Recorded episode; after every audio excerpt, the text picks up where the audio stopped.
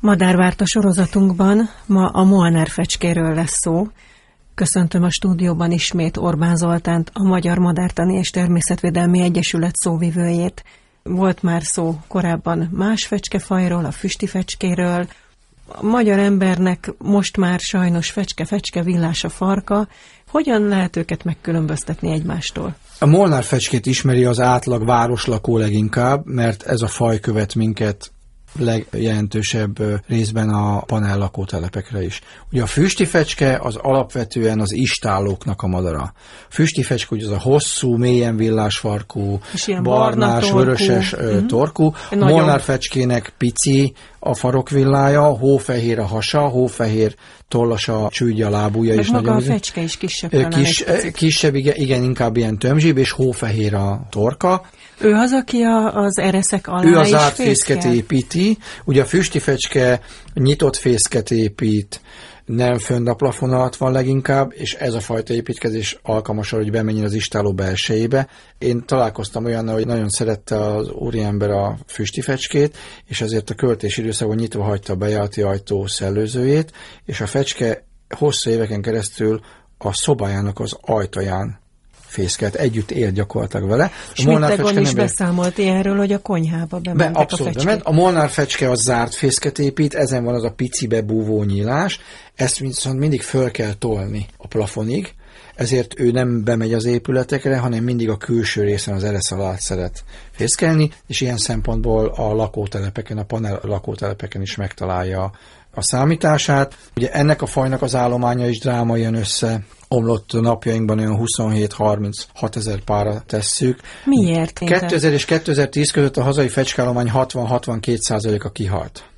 nagyüzemű mezőgazdaság. Rovarírtók? Rovarírtószerek, az istálózó állattartás majdnem teljes felszámolódása, Magyarországon a rendkívül rosszul végzett kémiai idegmérgeket használó szúnyogírtás. A néhány évvel ezelőttig használt szernél minden ezer elpusztított rovarból egy volt szúnyog, a mostanában használt idézőben modernebb szernél minden száz elpusztult rovarból kettő a szúnyog. Az összes többi beporzó és vagy fecske táplálék. Viszont milyen érdekes, hogy ha visszamegyünk az időben mondjuk 3000 évet, akkor Magyarország egyik legritkább madara lehetett a füstifecske és a molnárfecske, mert hogy ez a sárfészkes költés, ez a nyílt sziklafalak esőtől védett szakadt párkányai alá van kitalálva, vagy a nagy barlang bejáratokra ahol nincs eső. Na most Magyarország mai területen ilyen nem nagyon van. Tehát ha visszamegyünk az időben, mondjuk 3000 évet, akkor azt tapasztaljuk, hogy Magyarországon füsti fecskéből és mornál fecskéből élt mondjuk ezer-ezer pár, és mondjuk parti fecskéből a szabályozatlan folyók partfalaiban meg mondjuk három millió pár. Mi történt ezer évvel ezelőtt, amikor eleink bejöttek? Elkezdték átalakítani a tájat, kivágták az alföldi erdőket, sok millió állat legelt, elkezdtek jurta helyett már kőházakban élni, akkor az Észak-Norvégiáig fészkelő füst és molnárfecskék 3000 évvel ezelőtt mentek Afrikából vissza tavasszal. Lenéztek, és azt mondták, he nézd már, he, he mennyi jószág, mennyi légy, és ott lehet építkezni. Tehát mondjuk a 3000 évvel ezelőtti állapothoz képest az emberi civilizáció hatására, amihez nagyon jól tudtak alkalmazkodni a fecskék, megmerem kockáztatni, hogy mondjuk az 1400-as évek környékén, tehát néhány száz évvel ezelőtt, mondjuk a hazai füsti fecske és molnár fecske állomány fajonként messze meghaladta akár a másfél-két milliót is. Tehát ezer éven keresztül a füst és a molnárfecske az evolúció császára volt, mert tudott alkalmazkodni a hagyományos élelemtermelő emberi tevékenységhez. Csak hogy az elmúlt 60-70 évben nagyüzemű mezőgazdasággal megváltozott az életmódunk, Magyarországon ugye az Európai Uniós csatlakozást követően nálunk még hagyományos agrárium is megváltozott, és ezer év élet császárkodása után a fecskék helyzete visszarendeződik, mert hogy már nem annyira alkalmas számukra az élőhely, holott fecskékre nagy szükség lenne, mert minden fecske, amíg Magyarországon van, minimum egy kiló rovart megeszik. Tehát most azt tudjuk, hogy a füst és a molnár fecske esetében minden augusztusban az elmúlt 12, most idén 13. évben legalább 2 millió fecske hiányzik. Ez azt jelenti, hogy 2 millió kilogramm, 2000 tonna rovarral több marad a nyakunkon, és a klímaváltozással megjönnek újabb és újabb betegséget terjesztő Tehát elég fecskénk lenne, lehet, hogy nem is kéne rovart írtani. Igen, tehát nem volt probléma alapvetően a parasztportákon a szúnyog meg a bögöly, mert hogy elpusztították. Ugye Magyarországon a 60-as években szűnt meg a, a malária.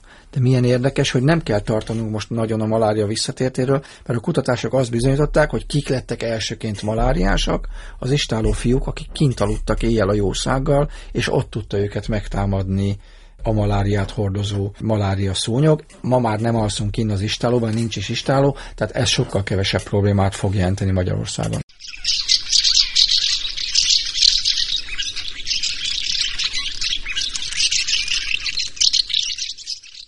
A mi molnár fecskeink hova vonulnak? Ők is olyan messzire Afrikába mennek? Igen, és nem tudták, mert hogy a füsti fecskénél megvan az az előnyű, mint a parti fecskénél, hogy a vonuláskor és teleléskor sok milliós csapatokban, nádasokban telelnek, viszont a Molnár fecske a költési időszak után eltűnt. Tehát több millió fecskét meggyűrűztek Európába, és még 20 külföldi megfigyelése volt, ezért azt feltételezzük még ma is, hogy valószínűleg vonulási időben a Molnár fecskék nem szállnak le hónapokig, hanem a levegőben alszanak, mint a sarlós fecskék, és milyen érdekes, hogy a fecskére még nem lehet tenni műholdas adót, de kidolgoztak egy úgynevezett geolokátort, nagyon pontos kvázi atomóra és egy fénymérő. Magyar kutatók is részt vettek benne, ráteszik a fecskékre, következő évben leszedik róla, leszedik az adatokat, és megmondja, hogy a fecske adott időpontban egy 100 száz mérföldes négyzetben hol tartózkodott a Földön, és így sikerült kideríteni, hogy a magyarországi molnár fecskék is Közép-Afrika térségébe vonulnak. Füsti fecskékről előbb tudtuk. Miért? A fecskéink teljes vedlést végeznek kint a területen, az vagy, amit megeszel.